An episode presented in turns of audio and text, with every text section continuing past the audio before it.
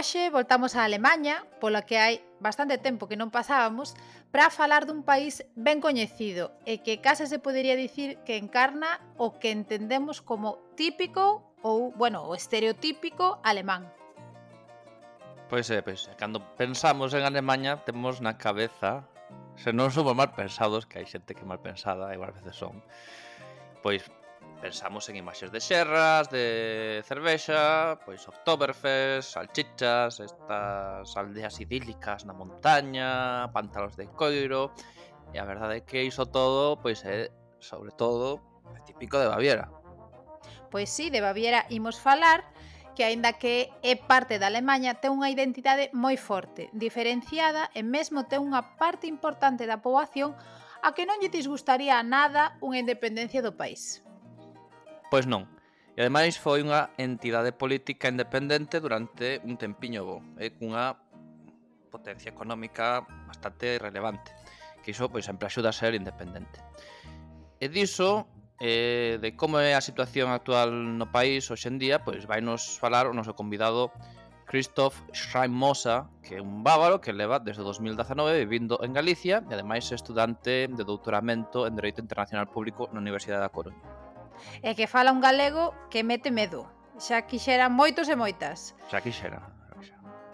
Bueno, feitas as presentacións, comezamos, como sempre, situando a Baviera no mapa.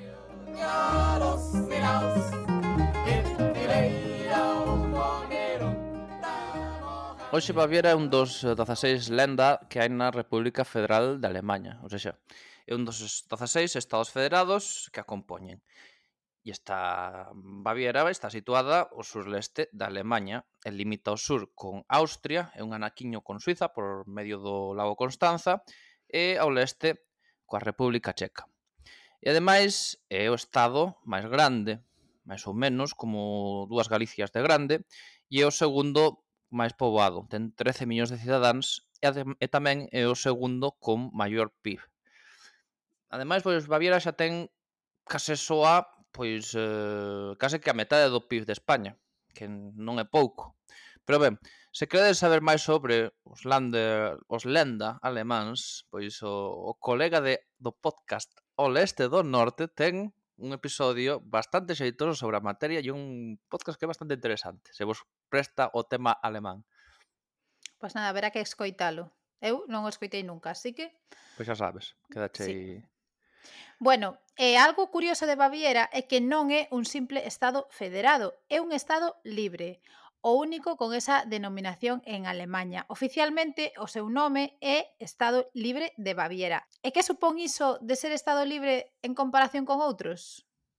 Pois tampouco moita cousa. Eu penso que é un pouco como o das nacionalidades históricas en España, que realmente pois non diferencia moito do, dunha rexión normal. Baviera, pois, non ten uns privilexios especiais por iso, pero si sí, é obvio que, por exemplo, pois ten unha maior vontade por defender a súa autonomía con respecto aos outros lenda. Eh, ademais, pois, realiza unha acción exterior moito máis potente co resto deles. Eh, bueno, os que vivimos en Bruxelas, pois, flipamos co palacete que teñen o pé do Parlamento Europeo e que a súa embaixada, entre aspas. Pero bueno, fan iso porque queren E poden, e porque a legislación alemana tamén lle permite a todos os lenda mm, facer iso, non o fan por privilexio. Pero ademais Baviera firma concordatos coa Santa Sé. Ollo aí, eh? É unha especie de privilexio que se reservou por historia e tradición. Porque a poboación de Baviera é na súa maioría católica e históricamente moi católica. E iso pois fai que xurdan diferenzas culturais con outras rexións alemanas protestantes, como as de Saxonia ou as de Schleswig-Holstein. De feito, por xeografía, cultura ou relixión, Baviera ten máis en común con Austria que co norte de Alemanha, por exemplo, e isto é algo do que nos falou o noso convidado. Sí, falou e falou ben. E claro, a esta diferenza identitaria tamén axuda pois o nacionalismo banal, ou sexa, a bandeira ou bandeiras, porque teñen dúas, e as dúas son de cor azul e branca, pero unha ten rombos, ou está feita con rombos, e outra pois eh, ten unha franxa de cada cor. As dúas son oficiais e perderas moitísimo, mesmo na, en certas botellas de cervexa de certas compañías bávaras.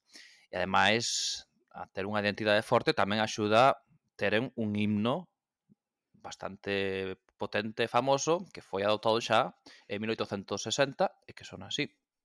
Música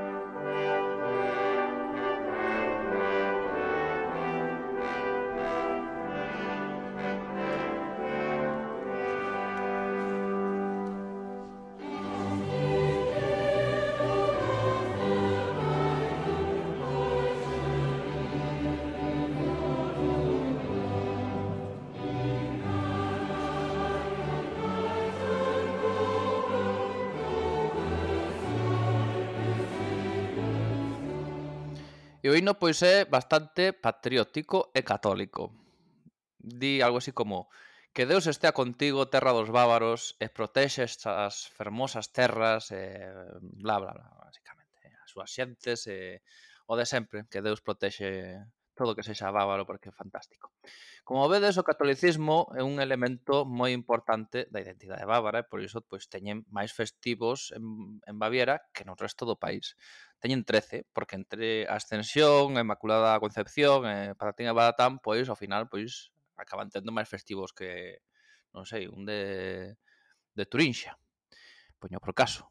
E claro, ese catolicismo que hoxe profesan máis da metade dos bávaros, pois penso que axuda a terán aí unhas visións políticas máis conservadoras do normal, que tería un alemán medio. El li goberna desde case sempre a Unión Sociocristiá de Baviera, que é a famosa CSU, que está aliada co Partido Democristián de, de Alemanha, que o de, partido de Merkel.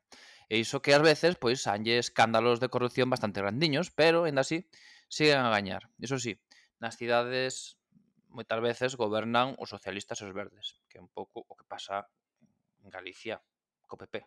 O sea, que ten aí a xemonía política a nivel da comunidade autónoma, pero logo, ao final, non goberna unha cidade relevante.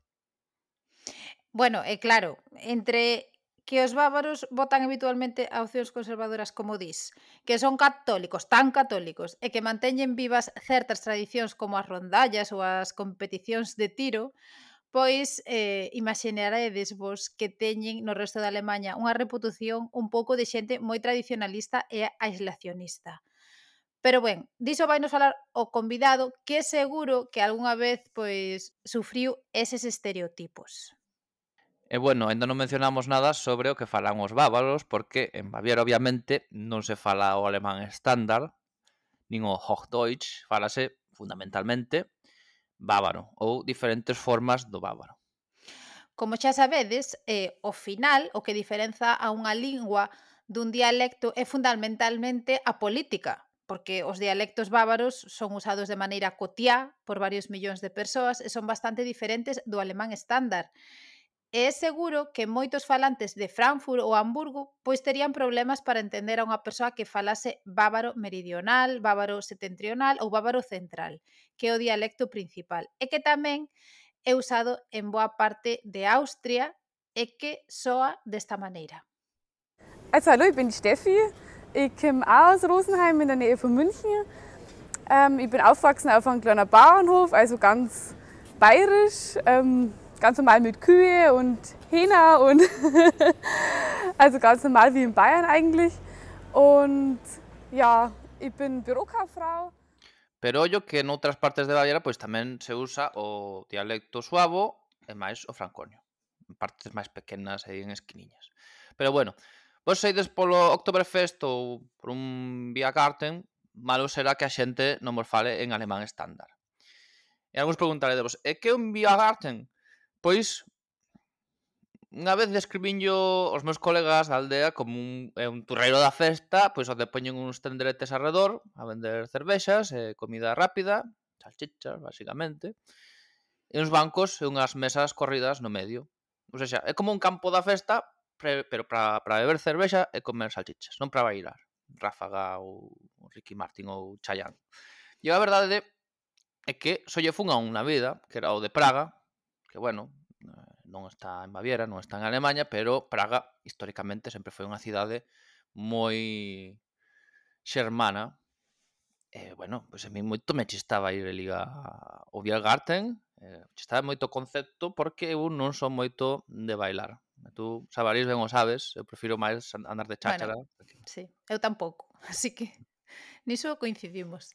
A mí, polo que eu nunca fun a ningún, pero po, soname un pouco o que veñen sendo as festas gastronómicas nosas, galegas, ali, que se pon a carpa ou sen carpa e mesas así corridas, e bébese, cómese, pero bailar pouco. Bueno, hai sempre así algunha parella que sale sí. así de... Sí, sempre hai unha parella así na esquina, pero o principal é comer e beber. Pero bueno, os Via Garten eh, están abertos pues no, supoño que estarán abertos, non sei se todo o ano, pero polo menos Primavera Brau sí que están abertos e non se celebra nada específico, non se celebra o día da salchicha branca e o día da cervexa tal, non. E é pim pam pum, todos con alegría, eh, case todos os días da semana. Moi ben, mira ti, eh? Non perdo o tempo. Aquí. Bueno, e agora que xa coñecemos un pouco como é Baviera e como está composta, podemos pasar á historia, que nos vai axudar a comprender como é que Baviera ten esa identidade propia tan forte e diferenciada.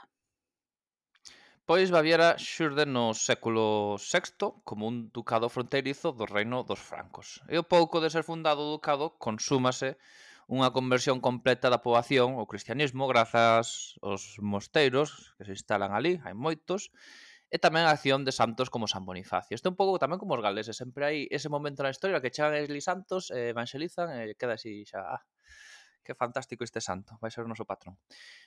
No ano 800, Carlomagno é coroado emperador do Imperio Romano, xa, como xa saberedes. E eh, como xa sabedes tamén, pois este Imperio Romano é un invento cutre do Papa de Roma para buscarse un protector e facerlle un pouco a puñeta a Constantinopla, que onde estaban os lexítimos herdeiros do Imperio Romano, como todo o mundo sabe, ou debería de saber, porque o Imperio Romano do Oriente pois a continuación do Imperio Romano, non é só do Imperio Bizantino, é unha parvada.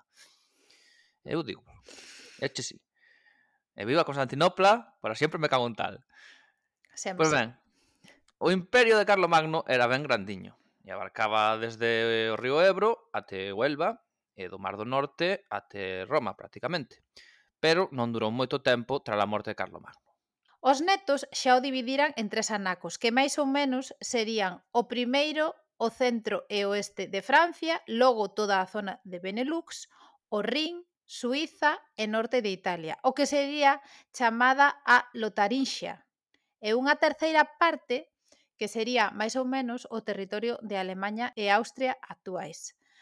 Vamos, unha cousa así un pouco a grosso modo. Tampouco imos ir ao detalle porque senón pois temos que facer un podcast paralelo. Pero ben, no 962 o rei dese terceiro anaco, Alemaña e Austria, Otto I, pois conquistou o norte de Italia e foi coroado emperador polo Papa de Roma e, por tanto, sucesor de Carlo Magno e, por tanto, líder deste Sacro Imperio Romano. E como funcionaba este Sacro Imperio Romano? Pois era basicamente unha loucura máxima. Como, como, como non se podía esperar outra cousa. Sí, sí, eso é... Hai moitos memes sobre isto, en plan... Uh... I can fixing, esa eh, é a foto do Imperio do Sacro Imperio Romano. É unha, é unha loucura. Eu estou agora mesmo escoitando un audiolibro sobre a historia desta chamalle institución e son 34, 36 horas e nada, faltan 22 horas por acabar. O sea, vou, vou avanzando, vou avanzando. É un Vai, culo. vai. Pois sorte. Mm, Grazas. Ah, eh, Teño que acabar antes de final do mes porque acabase eh, a, a suscripción dise libro, así que teño que acabar. Uf, Pois veña. Uf, vai haber maratón de Sacro Imperio. Para que vos fagades unha idea, hai un emperador que é coroado polo Papa. E este emperador do Sacro Imperio Romano, pois é a vez rei de Alemanha, que era un reino cunhas fronteiras parecidas aos do Estado actual xunto con parte de Austria. E tamén este este rei de, de Alemanha era habitualmente rei de Italia, que nesa altura pois, só abranguía a metade norte da península. E logo tamén había, dentro deste, deste Sacro Imperio Romano, pois había algún reino máis aí metido, como de Borgoña. Pero bueno, nos centrémonos. Un, pois podía ser rei de Alemanha, sen ser emperador, pois até que o Papa lle dera por aí e te coronase. Antes deso, tú eras o rei de Alemanha, para ter o, a coroa imperial tiña que pôr na cabeza o papa. E claro, se te levabas mal con il, pois pues quedabas en coroa imperial. E igual tiñas que ir a frente dun exército a Roma, pois para convencelo ou substituílo cun por outro papa máis dilixente no sé, mellor metese un pouco de veneno no, no, no, bueno, iba a decir no café, pero nesa altura mellor non tomaban café. No viño. Un pouco de veneno no, no viño, e eh, morría, eh, e día, bueno, pois pues pomos a este que é primo meu, e eh, xa me coroa emperador do Saco Imperio. Unha vez xa eras rei de Alemanha, claro. E como podía ser elixido rei de Alemanha? Pois dunha maneira moi xermánica por a elección dos aristócratas máis poderosos. Habitualmente había dinastías das que saían elixidos varios reis xermánicos que acaban sendo coroados emperadores. Por exemplo, a dinastía do Otto I, este do que mencionamos, pois durou 90 anos. E no século XIII establecese oficialmente os príncipes que van ser os electores do rei da Alemanha, que logo serán case sempre emperadores.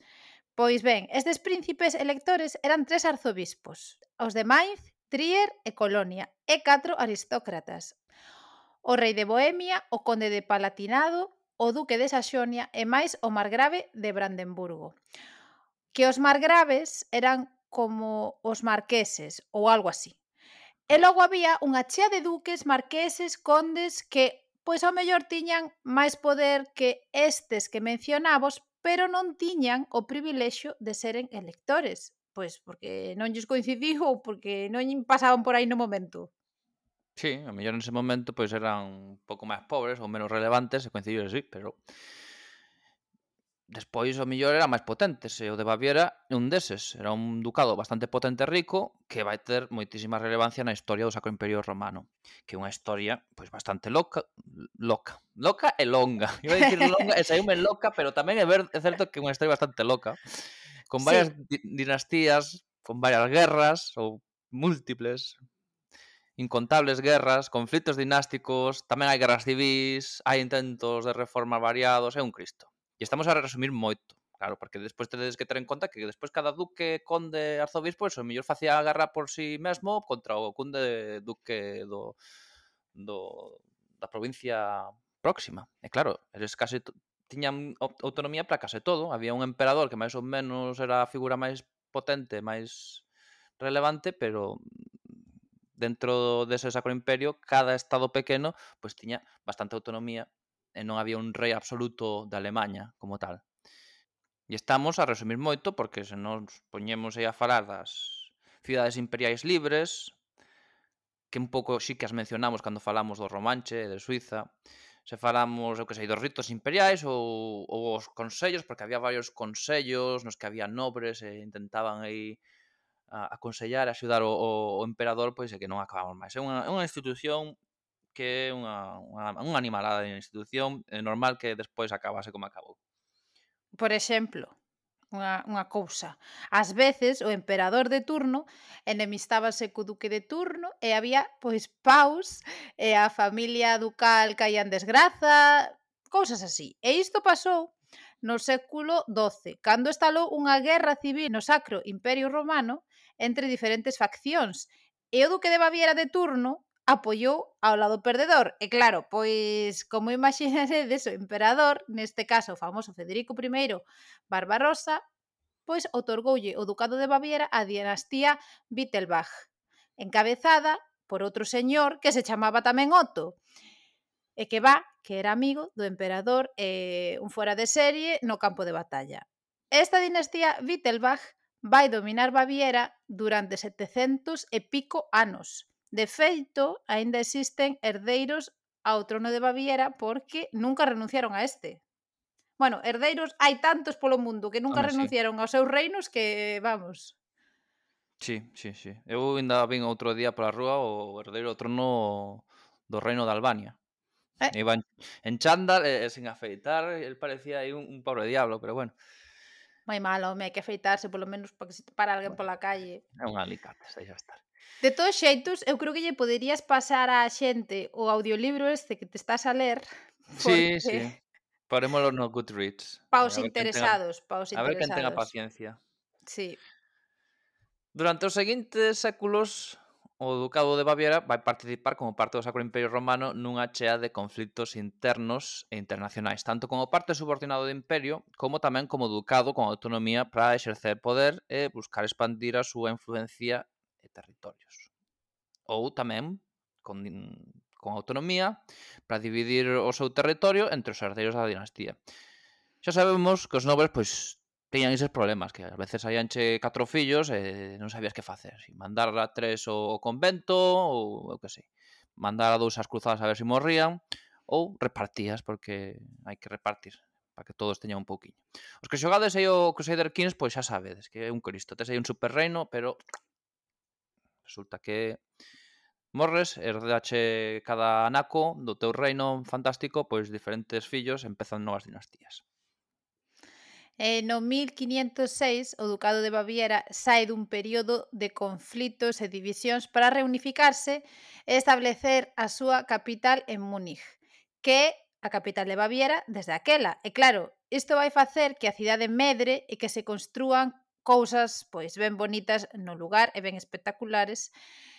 Eu nunca estiven, pero va que é un sitio espectacular. Eu sempre teño de referencia a meus pais, que son os que andiveron por todo o mundo. E claro, cando viñeron de Baviera, pois pues viñeron tú ya sabes, aquello é maravilloso e, e unha cosa mm. estupenda. Eu confío no criterio dos teus pais.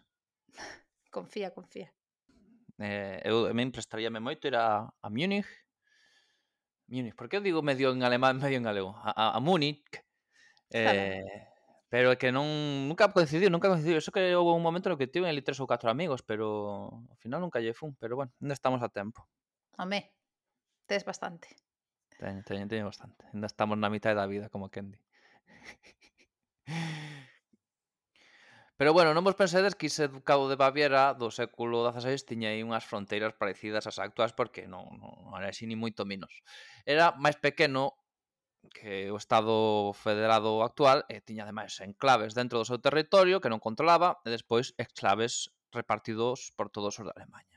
Porque o Sacro Imperio Romano era así, era un locurón de entidades, de subdivisións e tal. E pois había un, un duque que tiña aí un territorio ali nunha esquina, pero logo tamén tiña outro territorio pois no outro lado do, do, do reino da Alemanha, do Sacro Imperio. Era unha, unha locura. De verdad, non sei se este podcast... Se, a xente cando acabe de, ler, de, no. de escoitar o episodio vai ter algo claro. Do... Se a xente entendeu o de Schleswig-Holstein... É que, é que parece, parece, vamos, a mesma cousa. Estaba pensando todo o tempo nese episodio. Bueno, coa chegada da Revolución Protestante, a católica Baviera vaise converter nun centro moi importante da contrarreforma e dos sexuitas, os famosos sexuitas. Nunca falamos dos xixuitas, mira ti, tiña que chegar un capítulo. Bueno, e claro, os duques de Baviera van ter un papel moi relevante nas guerras de religión que van asolar Europa Central nese período. O ducado de Baviera vai sair reforzado políticamente desas guerras, por exemplo, despois da guerra dos 30 anos, do 1618 ao 1648, Baviera vai recibir o privilexio de ser electora do Sacro Imperio Romano e mesmo vai recibir máis territorios. Sí, que non está nada mal, cando menos se non temos en conta que esta guerra foi unha catástrofe enorme que asolou as terras alemanas e que causou millóns de mortos e tamén a decadencia de rexións enteiras. O sea, a guerra de, dos 30 anos foi unha barbaridade no centro de Europa. E tardou o centro de Europa pois ao mellor un século ou dous en, en recuperar poboación, eh, dinamismo económico. Pero bueno, neste século, 17 18, pois o poder dos duques de Baviera pois vaise reforzar por, polo que xa comentamos antes e tamén por outras cousas que imos comentar.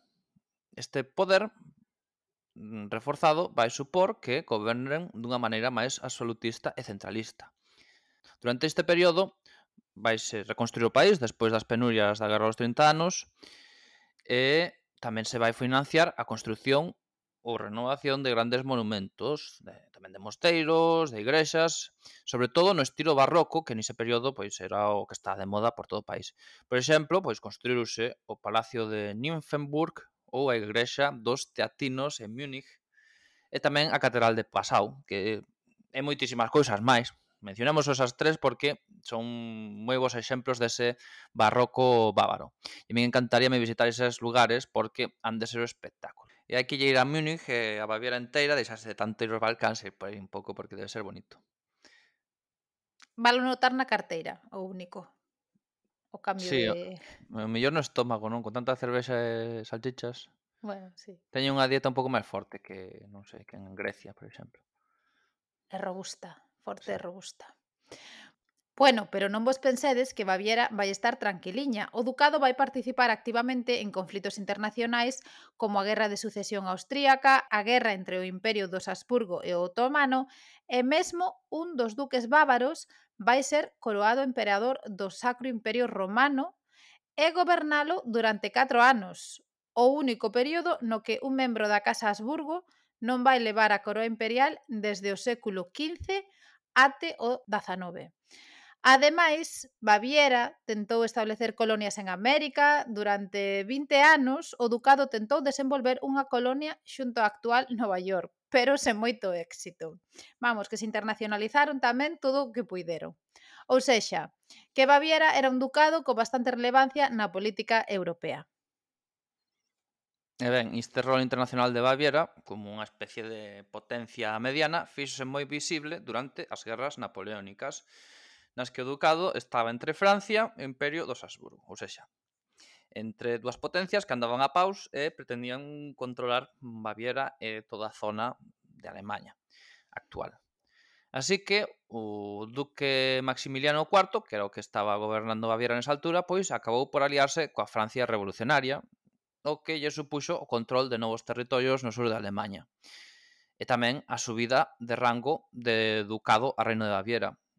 E tamén, durante ese tempo, pois, coincidiu que a Napoleón xa se hincharon moito as orellas e decidiu pois acabar co Sacro Imperio Romano porque era unha cousa absurda e unha cousa incorrexible, in, irreformable, era imposible de, de solucionar unha estrutura tan absurda nese momento da historia. Pero bueno, como Maximiliano non era parvo, cando viu que Napoleón ia ser derrotado, pois cambiou de bando. Así que ao final, pois Baviera acabou do lado dos vencedores e ampliando aínda máis os territorios que xa ampliara antes aliándose a Napoleón. Ou seja, parvos non eran, e foron foron ampliando os seus dominios. Ou sexa, que Baviera no século XIX era un reino mediano, cunha constitución algo liberal, unha incipiente industrialización, un reino con prestixio e cunha política exterior bastante relevante. Por exemplo, Baviera tentou levar a cabo unha terceira vía na unificación de Alemanha, que non fose liderada por Prusia nin Austria. Estaba aí un pouco pois xogando entre os dous para manter a súa independencia. E ademais, un membro da familia real bávara outro Otto, porque como non se iba a chamar senón Otto, ia ser elixido monarca de Grecia logo da súa independencia. Aínda que, bueno, esa rama da dinastía pouco durou ali. O que, basicamente, duraron o que tardaron os gregos en votar a Otto 30 anos, máis ou menos. Iso sí, A influencia destas décadas bávaras en Grecia aínda é ben visible en Atenas, por exemplo, no Parlamento grego, que era o Palacio Real deste Oto. É que todos coñeceredes polas imaxes de, de Atenas, de, das protestas sobre, bueno, os que sodes máis vellos coñecerederos, porque esas protestas xa pasaron hai 10 anos, o mellor.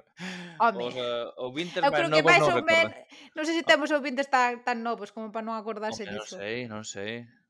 Oxalá. Non sei hai que hai que meterse no Twitch, no, no Twitch xa seguramente se xa de velloucos, no TikTok ou no BeReal, eh, buscar novos adeptos ah, ao fora de mapa. Maiores de edade, a, poder, ser, a poder ser, pero no viños. Como xa sabedes, finalmente Alemanha unificouse en 1871 baixo a hexemonía de Prusia, pero iso non impediu que Baviera conservase aí unha importante autonomía dentro do Segundo Reich era esa autonomía máis grande que a do resto de estados integrados eh, no, no novo reino de, no novo imperio de Alemanha.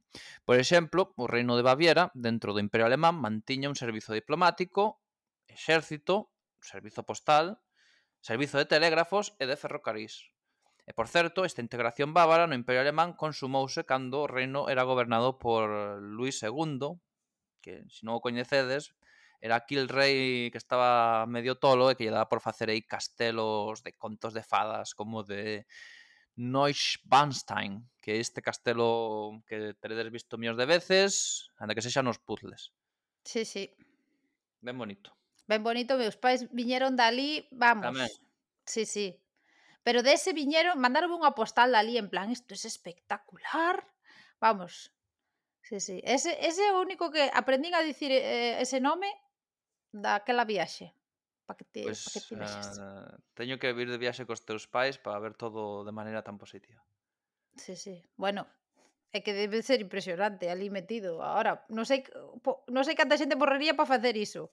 Pero bueno. Pero ben, cando as cousas eran bonitas en Baviera, o Estado era un territorio moi industrializado, desenvolvido, todo parecía que iba pa diante, pois comezou a Primeira Guerra Mundial e Baviera estaba pois no bando que a perdeu. De feito, Baviera, ou concretamente Múnich, pois vai ser un lugar moi moi louco no período posterior á guerra, porque o rei Luís III de Baviera vai ter que abandonar o trono, anda que oficialmente nin il nin a súa familia pois renunciaron ao trono, así que siguen sendo en principio os reis de Baviera. De feito, hasta teñen iles non teñen trono ni nada, pero de vez en cando pois van así a eu que sei, a festas, eh, romerías, e eh, falan, e eh, pois eh, faño un pouco de causo. Pois que sí, que de se deixan ver, hai que deixarse ver, senón... No, no, pero teñen así un pouco de prestixo, en plan, eh, que falou aí o, o herdeiro do trono e dixo que Baviera, que moi ben, e que hai que seguir aí sendo guais. Algo así. Non sei. Bueno. Como o noso, o, o noso rei pois, está aí, eh, non está... Sigue no trono, pois non sei. Había que ver qué pasaría si votásemos do trono ao Felipe e plantásemos unha república. Isto é como cando un alcalde que leva moitos anos nun concello pequeno, de repente deixa de ser alcalde e aparece en todas as festas despois, pero a xente sí. tomou en serio, en plan, claro, ah, claro. se ah, que sí. dixo, non sei moi, boa comparación. Iba a falar de Aznar ou de Felipe González, pero si sí, é máis, máis parecido dos alcaldes que logo Claro, no, é que falo, pois, pues, con coñecemento de causa. Sempre aparece o alcalde que levaba non sei cantos anos e de repente aparece por ali. Ai, pois pues, sí, porque dixo tal, porque dixo tal. Sí, sí. Pois sí, algo así. Entonces, pois, bueno, fui consendo, ten, tendo un pouco de relevancia. Eso sí, o emperador de Alemanha, o Kaiser ah, Guillermo II, se capicou do trono do Imperio Alemán. Esas que marcharon e xa aí quedaron. Bueno, ademais, vai haber en Baviera, fundamentalmente en Múnich, dous levantamentos revolucionarios, os dous a finais do 1918, un socialdemócrata que fundaría o Estado Popular de Baviera e ao pouco outro comunista, a República Soviética de Baviera. Estes gobernos pouco territorio controlaban, estaban dirixidos por intelectuais burgueses sen apoio popular, alén de Múnich, e algunha cidade bávara máis e a súa curta duración foi pois un caos absoluto. O que fixo que a poboación pois non lle collera moito cariño á esquerda. Para non, como é normal, se, se hai un pifostio e un caos generado por dúas correntes da esquerda, pois nunha situación bastante mala como era a de Alemanha a finais do 1918, pois é normal que non lle colla moito. Seguramente lle colleran máis cariño os Freikorps, que eran as unidades paramilitares formadas polos veteranos da Primeira Guerra Mundial, porque estes restableceron a orde no país. Estes, ás veces de maneira un pouco violenta demais, é no que recoñecer, pero bueno. E ademais é certo que algúns eran algo fascistillas. Pero bueno, A ver, tú se sei un carpinteiro dunha vila bávara random a comezos do 1919 che veñen uns paramilitares a restablecer a orde a seguridade, pois é capaz de que quedes algo agradecido. Non? Sin lle mirar aí se tiña o carne de, de fascistas. Esa Múnich da posguerra, capital do novo Estado Libre de Baviera, integrada na República Alemana, era un sitio particular, empobrecida, con moitos soldados desmoralizados que sentían que foran traizoados polo goberno ao firmaren a paz. Moita xente con visións extremistas, tanto de esquerdas como de dereitas, un chisco pois de antisemitismo de toda a vida que xa sabemos que había moito e existía e algúns flipados formando organizacións segredas esotéricas. Xa sabedes por onde imos, non? Pode que saiban, pode. Aí nese, nesa sopa de ideas rancias, pois é onde xurde o Partido Nacional Socialista e onde Hitler vai acumulando poder e prestixo dentro deste partido. E entre a sociedade bávara e alemana da época. De feito, no 1923 o Partido Nazi pois tentou dar un golpe de estado en Múnich, pois seguindo máis ou menos o exemplo de Mussolini, que dera o seu golpe de estado en, en 1922, un ano antes, pero os nazis pois non lle saiu tan ben como, como a Mussolini. Era un pouco amateurs aínda. E logo porque non lle saiu ben? Mm, pois Supoño que primeiro de todo porque estaría mal organizado e segundo porque as forzas de seguridade de seguridade da República de Weimar xa da, da República Alemana, pois eh, actuaron con decisión, eh, reprimiron ese golpe de Estado e eh, estableceron a orde eh, estabilidade e a Constitución. Moi ben. Pero no 1933 os nazis chegaron ao poder E estes van acabar coa autonomía de Baviera dentro da República Alemana. Tamén van reprimir calquera tipo de separatismo bávaro e, ademais, van usar unha das súas cidades, Nuremberg, como o lugar no que mostrar a fortaleza do nazismo neses enormes congresos. Tristemente coñecida Nuremberg. Sí, bueno, Non tan triste, eh? porque lle gusta o tema da xustiza internacional, eh, Bueno, universal. sí, pero xa me entendes. Xa te entendo, xa te entendo. E ben, o nazismo, grazas aos aliados, o gobernou Alemanha durante 12 anos, nos que pasaron moitas cousas, case todas ou todas malísimas. Eh... Menudos doce... deronlle pa bastantes os 12 anos, eh? Sí, bueno, iba a dicir, bueno, polo menos fixeron autoestradas, que é o que sempre se di dos, dos nazis, pero... Sí. Quitando iso todo mal. Ao acabar a guerra e eh, fundarse a República Federal Alemana, pois Baviera vais a integrar neste novo estado. Como Estado Libre de Baviera, non como un land normal. E, e como tal, é unha das repúblicas federadas do país. E conta cunha gran autonomía. Pero, ollo, E aí porque o Parlamento Bávaro nunca asinou a Lei Fundamental da República Federal de Alemanha. Iso sí, aceptouna ou ser ratificada polo resto de lenda. E les dixeron, bueno, se o resto queren, nos, pois, consentimos. Pero nos voluntariamente non estamos moi de acordo. E como o resto pois asinaron, pois dixo, bueno, pois se todos van, pois nos imos detrás. Non, foi, non tiña moita ansia. Isto foi un pouco o que lle pasou a Madrid ao revés, cando se fixeron as comunidades autónomas. Mm, en plan, así. bueno, eu fógome co...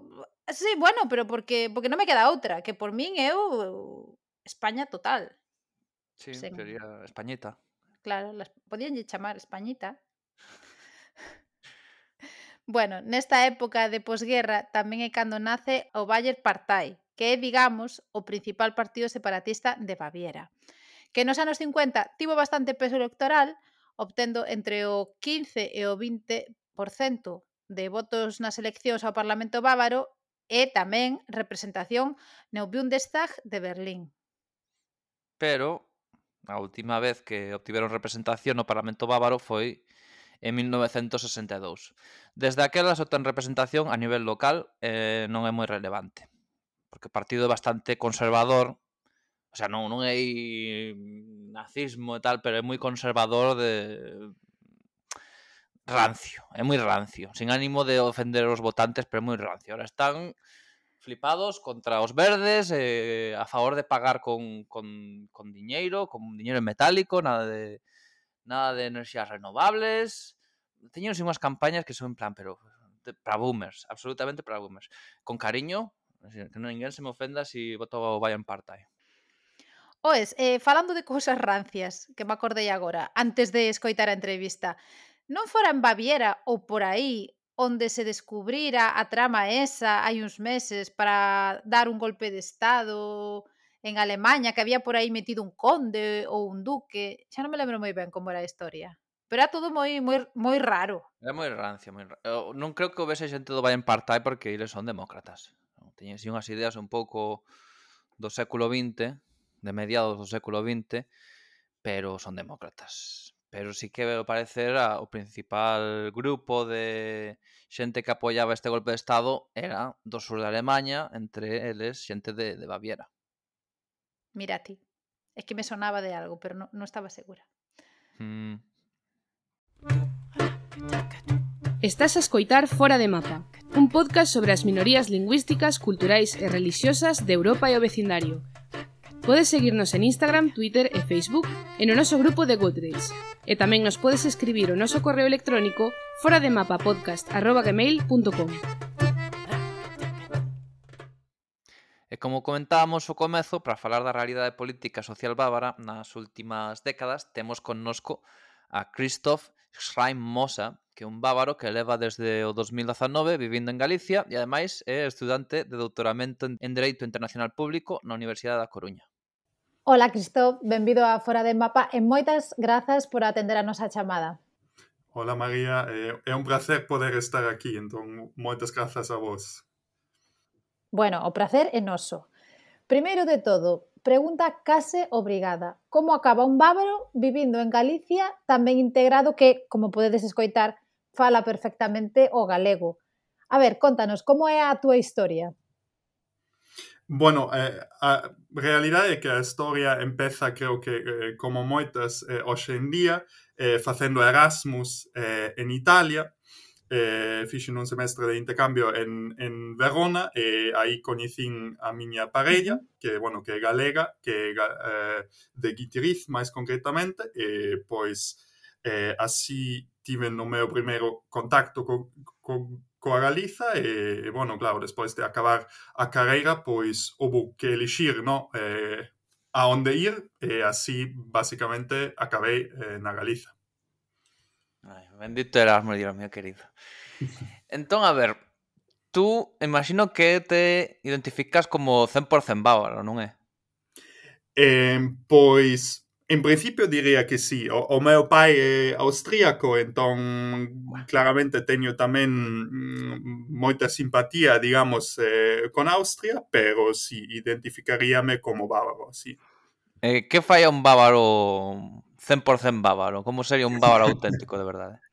Bueno, é unha pregunta eh, un pouco difícil eh, e, eh, eh, bueno, creo que tamén que tamén eh, hoxe en día é un pouco eh, difícil responder, non? Porque temos eh, na Baviera viven moita xente con distintas historias vitais eh, de distintos raíces eh, pero que se autoidentifican ¿no? como, como bávaros o bávaras. Entón, creo que o criterio máis importante é, obviamente, a autoidentificación.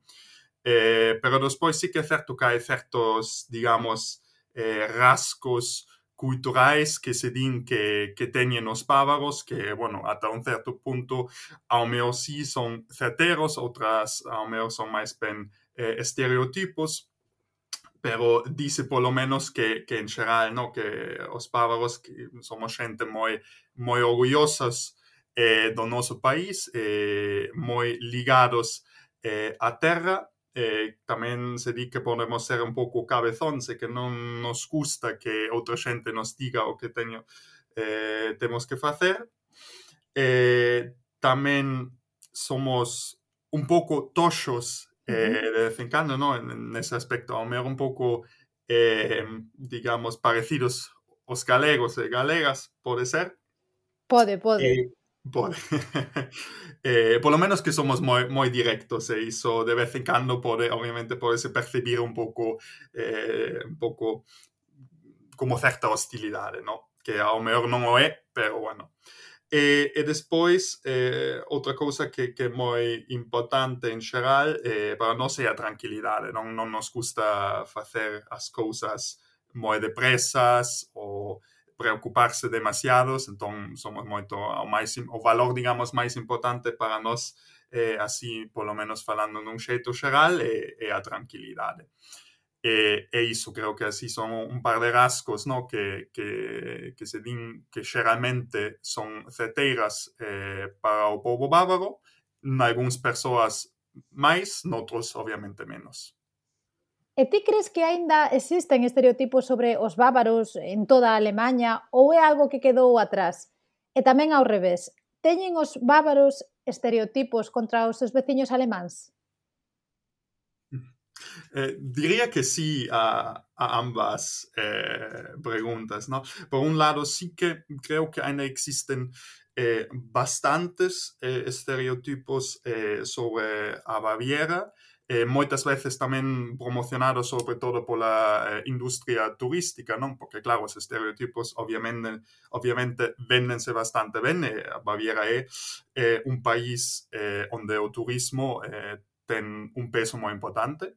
Eh, pero en xeral mm, a xente en Alemania pois asociona a Baviera con, con a imaxe de xente, digamos, moi rural, nun sentido mm, negativo, non? Un pouco como eh, como un país un poco eh, atrasado, eh, como gente, bueno, eh, que se podrían calificar como paletos, como gente conservadores, muy católicos, ¿no? Que leven, levan todos os días eh, os traxes tradicionais, que beben moito alcohol, moita cervexa, e tamén como, como xente que, que, que a veces pode ser eh, bastante eh, arrogante, ¿no? O, digamos, con moita confianza eh, en si sí mesma.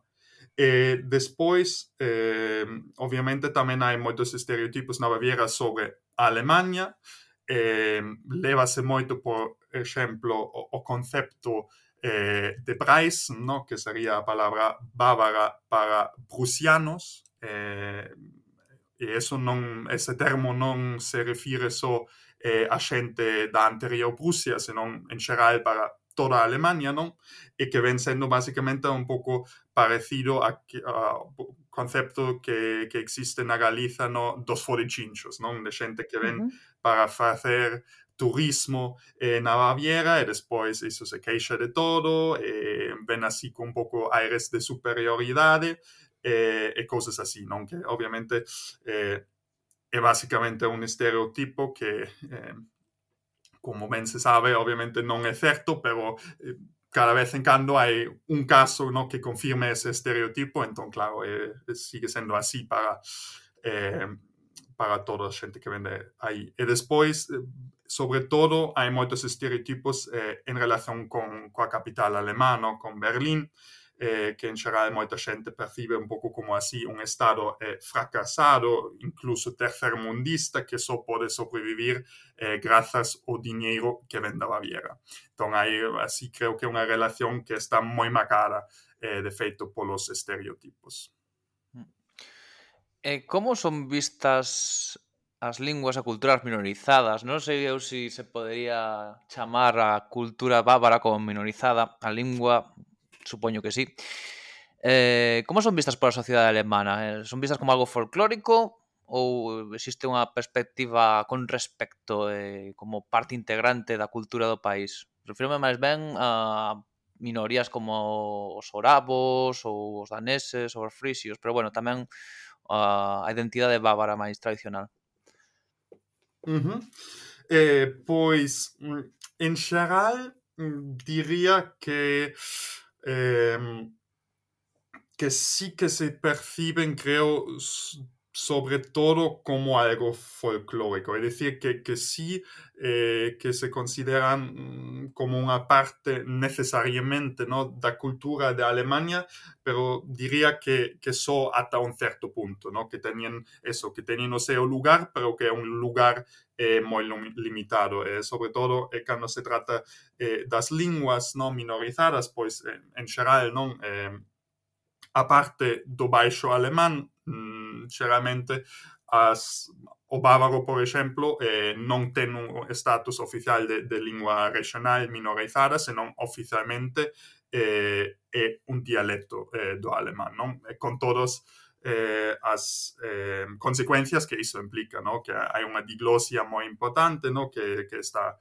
moi ben visto de falar bávaro, por exemplo, no ámbito familiar ou entre amigos, no? que é algo guai que hai que, eh, que manter, pero ao mesmo tempo eh, hai ámbitos eh, sociais eh, e da vida na que é moi mal visto. No?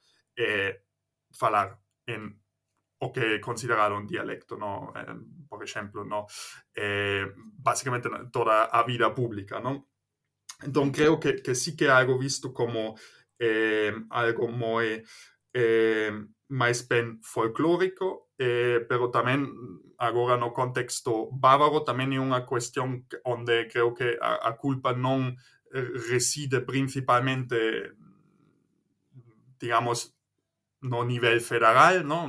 de Alemania, senón tamén eh, no noso propio Estado, non? Porque eh, particularmente no, no, na, no, no ámbito da cultura eh, os Estados federados teñen moi amplas competencias eh, entón eh, podería ser o mesmo eh, propio goberno estatal eh, podería poñer no, políticas para fomentar o uso do bávaro, como, por exemplo, eh, fai o goberno de Schleswig-Holstein, non? Vos xa tivestes un episodio eh, creo, se no me equivoco, ano pasado, donde ya ben explicaste que tenían así eh, las minorías lingüísticas allí, tenían eh, derechos lingüísticos reconocidos, que por ejemplo, obviamente, o gobierno bávaro también podría eh, introducir para o bávaro, pero que no oficio fixo ata agora e eh, tampouco é moi probable que, eh, que o faga a corto prazo. É dicir, mm, que máis ben eh,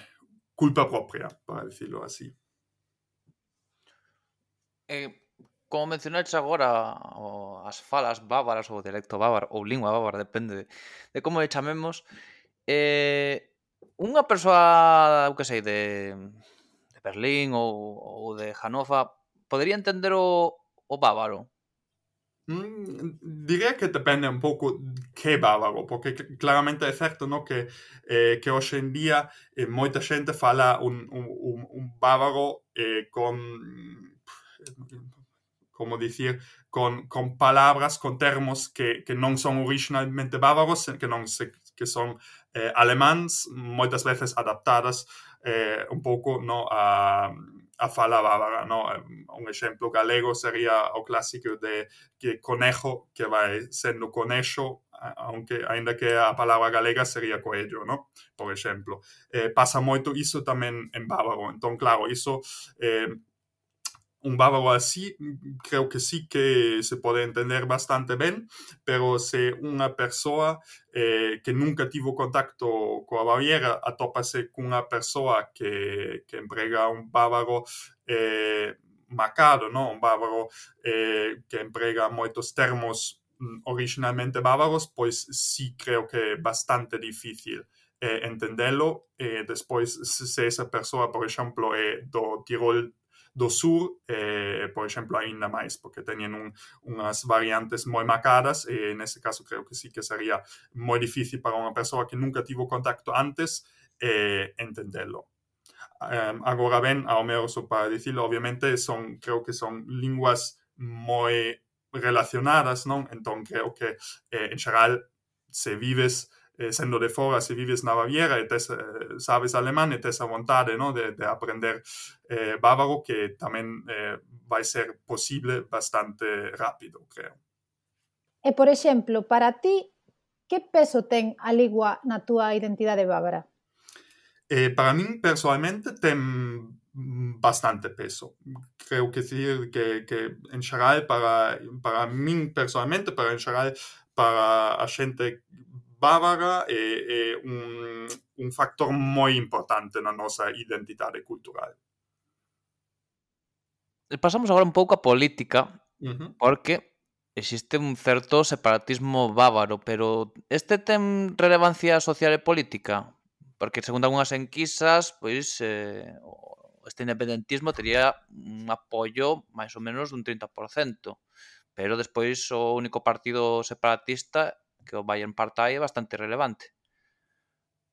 Sí, eh, faz un análise bastante ceteiro. Eh, eu diría que relevancia política non ou máis ben ben pouca, porque como ben dis, no, o Bayern Partai pois eh, a pesar de que un partido con moita historia, un partido que de feito eh, no eh, siglo pasado si participara dúas veces eh, no goberno, actualmente é bastante irrelevante. Non? Nas eleccións eh, o noso Parlamento, o Landtag, pois normalmente ten entre 1 ou 2%, entón non obtén representación parlamentaria e ten únicamente limitado éxito a nivel municipal e provincial. Entón, é bastante irrelevante. E a cuestión dos separatismos tamén, a parte do Bayern Party, non adoita ter un peso mmm, diría casi ningún peso en nas debates políticos diarios, ¿no? Hay un par de excepciones, ¿no? Por ejemplo, cuando Bayern Party en 2017, 2016 perdón, eh, interpuso un recurso diante del Tribunal Constitucional Federal, eh, básicamente sobre la posibilidad, se sería posible eh, hacer un referéndum de independencia eh, en Baviera e o, o Tribunal eh, denegó esa posibilidad. En ese momento sí tuvo un, unha certa importancia puntual e incluso eh, con relevancia para España, porque obviamente había moitos medios de comunicación que se faceron eh, eco eh, desta nova, eh, sobre todo para eh, no para o contexto catalán, pero aparte desses puntos, mm, situacións puntuais, non ten eh, relevancia política. Despois, relevancia social, diría que sí, porque como ben dixeches, no? hai mm, eh, inquisas repetidas que din que entre un 20 ou incluso un 30% da poboación sí que eh, estaría a favor eh, da independencia. Entón, sí hai un, un certo potencial, creo, eh, independentista, pero algo falla ¿no? entre, entre movilizar, digamos, ese potencial social, social eh, a, un, a, un, movimiento político, a una acción eh, política, que, bueno, que creo que hai eh, moitos motivos eh, para iso, pero tampouco, desgraciadamente, digamos, eh, tampouco sei cale a, a, a razón eh, principal detrás diso. Estaría moi guai, oxalá sabelo para Pero bueno. Eh, hai uns mesiños escribiches un, un paper pro Igadi sobre a política exterior do Estado bávaro, que me prestoume, por certo. Eh, ben, bueno, eu vivo en Bruselas, a Sabarís viviu en Bruselas e eh, nos coñecemos bastante ben a relevancia que ten a política exterior bávara ou do goberno bávaro ten aquí un, un, palacete espectacular onde está a representación do goberno bávaro. Pero poderías eh, darnos un resumo de como é, eh, cal é a importancia que ten a política exterior na política bávara actual? Tanto en sí mesma como para reafirmar a autoridade do Estado Libre de Baviera con respecto ao goberno central. Uh -huh. eh, pois en sí mesma creo que eh, a política exterior mm, ten importancia limitada na, na política actual. É dicir, cando, por exemplo, este ano, eh, ao final deste ano, vai haber eh, eleccións para o Landtag, eh, pero mm, seguramente a política exterior ou a acción exterior do Estado Libre non vai ser ningún tema eh, importante no, no, na campaña electoral, por exemplo. Hai outros temas que, que teñen moito maior peso. Eh, e creo que tamén eh, se ve que a importancia limitada eh, no, na, no orzamento no? que teñen as actividades eh, actividade exterior, que é unha parte, un porcentaxe moi moi eh, pequeno eh, do orzamento eh, xeral do Estado. Entón, nese aspecto, creo que en sí mesma ten, ten pouca importancia, aparte ao mellor eh, hagas a, eh, en re, relación co comercio exterior, porque Baviera é un país que exporta moito, entón, claro, manter así eh, contactos eh, no exterior que faciliten a, as empresas bávaras de vender, de establecer mercados eh, en outros países, creo que sí que eh, é un factor eh, importante, pero non é, digamos, non chega a ser eh, é algo que pasa, pero algo que non ten eh, onde non hai moita debate eh, na sociedade ou na política. Entón non é un punto eh, nin controvertido nin, nin debatido, no? Ehm, eh, pasa bastante de maneira silenciosa, podemos dicir.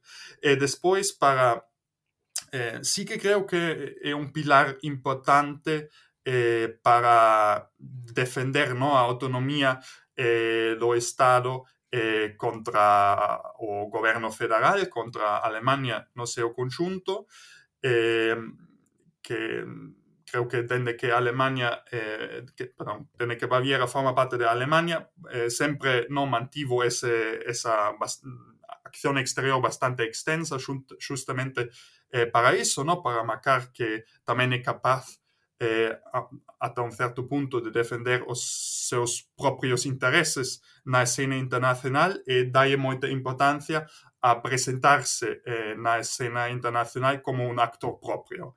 Eh, agora ben, eso basicamente en, en palabras resumidas tamén é a, a miña crítica nese, nese paper, eh, faino dunha maneira, hoxe en día faino dunha maneira que que lle pon como basicamente un proveedor de servizos públicos, é dicir, faino dunha maneira eh, máis ben política, máis ben simbólica e non utiliza todas as posibilidades xurídicas eh, que tería para manter relacións con outros eh, entes eh, exteriores. E creo que iso a longo prazo eh, é algo negativo porque vai un pouco en contra da autopercepción que ten a Baviera de si sí mesmo eh, como un Estado propio. Non soberano, pero Estado propio.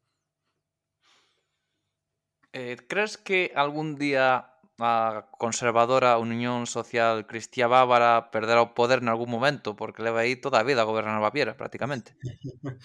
Prácticamente sí. Eh, y creo que, por lo menos a corto medio brazo, eh, va a seguir eh, haciendo.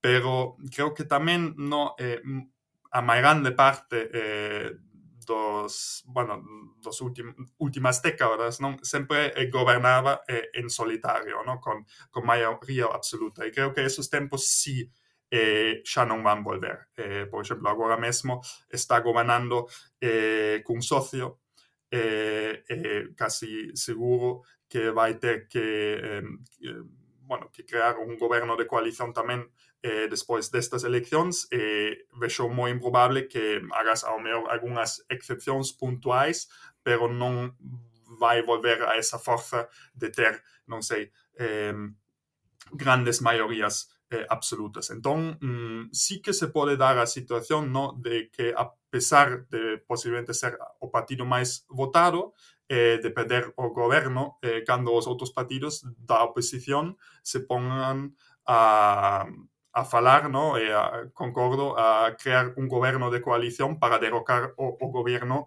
eh, da CSU.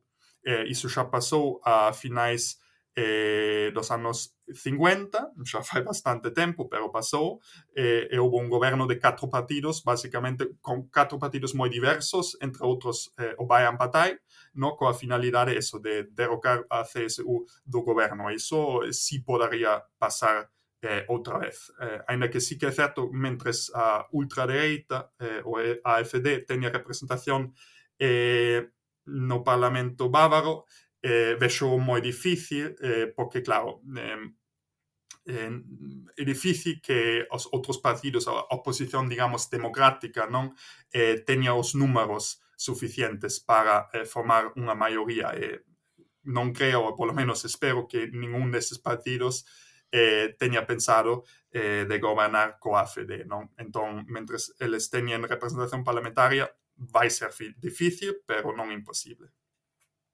Bueno, eh, antes de rematar, imos falar de algo máis lixeiriño. Queremos coñecer un pouco mellor a cultura popular bávara, así que pois imos che facer unhas preguntas breves para que cunhas respostas tamén breves pois nos contes sobre a música, as películas e tamén, por suposto, a gastronomía. Vale. Así que alá vai a primeira. Un libro clásico ou contemporáneo que recolla ben a cultura bávara un libro clásico, eh, diría, de Lena Christ, eh, Erinnerungen einer Überflüssigen, que desgraciadamente, como pasa casi en totalidade co, co, coa literatura bávara, non está traducido, eh, desgraciadamente. E de que vai?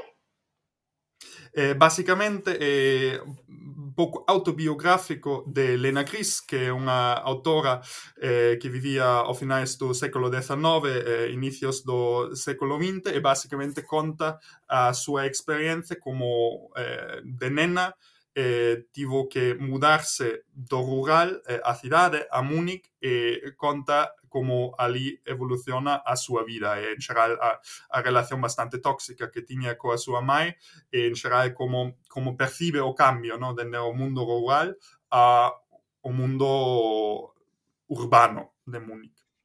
Bueno, para os que sepan alemán, unha boa recomendación. Adiante, sí. Eh, agora, un filme ou unha serie? Uhum. Pois diría dúas cousas, como film eh, o película é bastante ben porque conta moito da, da nosa cultura eh, arredor da morte, non? Que creo que ao meu para a xente de Galicia tamén é bastante interesante e é unha película que se chama Die Geschichte von Brandner Kasper eh, que é unha produción bastante recente, do 2018, creo, eh, pasa desgraciadamente o mesmo, non existe eh, traducción, entón só está en alemán bávaro, e despois unha serie que hai en Netflix que ao mellor non está o guion non está super guai, pero es así, por lo menos eh, existe eh, en, bueno, en varias linguas, e sobre todo con subtítulos, eh, Oktoberfest. Ah, pois eu creo que a vin por Netflix. Ah, e gustouche? Non, non, non a vin. Ah. Vin que existía no catálogo. Ah, vale, vale. Uh -huh. Pois nada, aínda que non sexa espectacular, o importante é que estas cousas pois vayan saindo pouco a pouco por aí. Efectivamente, sí. É unha canción ou un grupo musical típicamente bávaro? Uh -huh. Eh, e ao mellor grupos musicais que teñen un montón de cancións bastante guais, entón non puiden decidir cal. Eh, hai tres que me gustaría dicir que son bastante actuais todos. Eh, un é Labras Banda, que ao mellor é o grupo con máis proxección eh, internacional actualmente, eh, que de feito casi ia tamén para Eurovision Song Contest, pero pasou algo parecido a Stanchus eh, o ano pasado.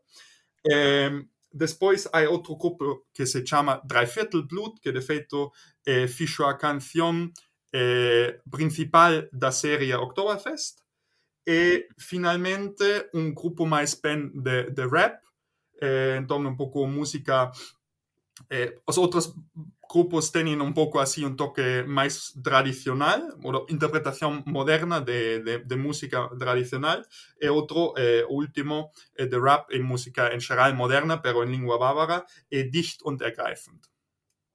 Uh -huh. Eh, que personaxe histórico ou, ou contemporáneo elexirías para representar o espírito de Baviera?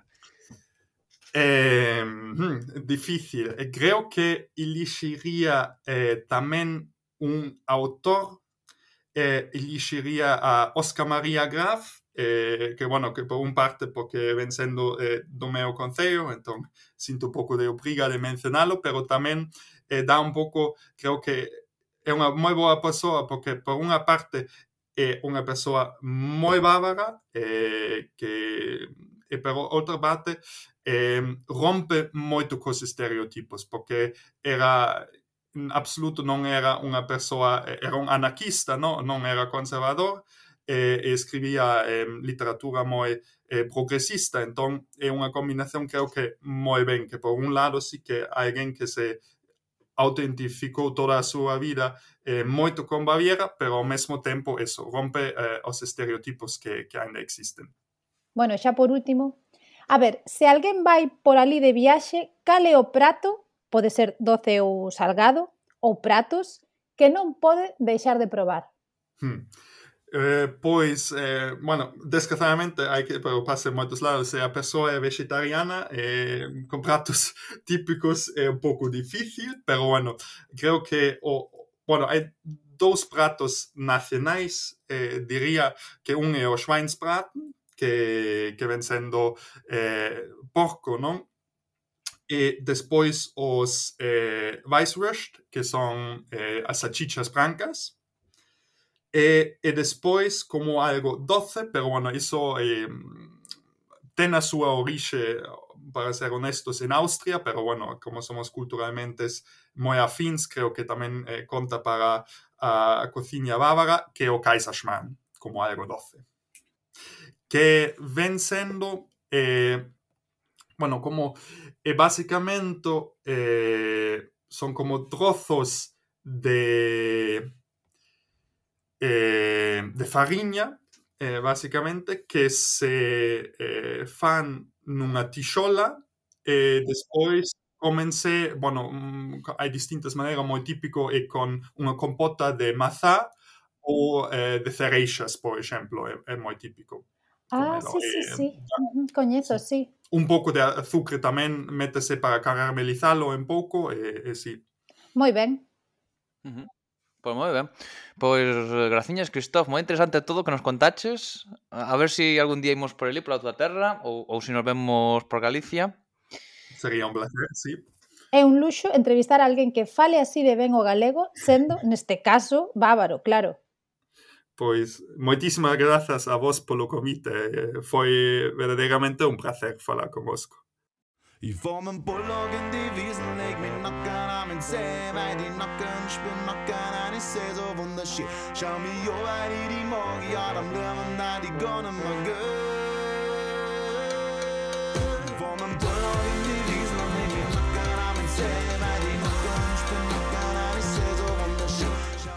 Pois quedounos un episodio bastante tranquiliño, outro máis, como o de Gales da semana pasada, pero bueno, este tiña máis rompecabezas co tema do Sacro Imperio Romano e os reis e a aristocracia germánica. Pero bueno, a pesar de que Baviera é un pobo que está na mente de moita xente, eu penso que é bastante descoñecido, máis aló do folclore, do Oktoberfest ou incluso do fútbol. Pois é. Eh? Penso que pouco se sabe, por exemplo, da súa identidade propia ou da súa lingua, ou linguas, ou, ou se queredes dialectos, se non nos metemos aí, e tamén das ansias independentistas de certa parte da poboación, un porcentaxe bastante importante desa poboación. Moi descoñecida, por exemplo, para mí. Pois existiren, eles existen, son minoría, son minoría, pero bueno, eles eh, independencia e eh, bueno, tamén por querela. E hoxe despedímonos con La Brass Banda, que é unha das recomendacións do noso convidado, eh, con esta canción que se chama Knackert, e eh, que case vai a Eurovisión Back.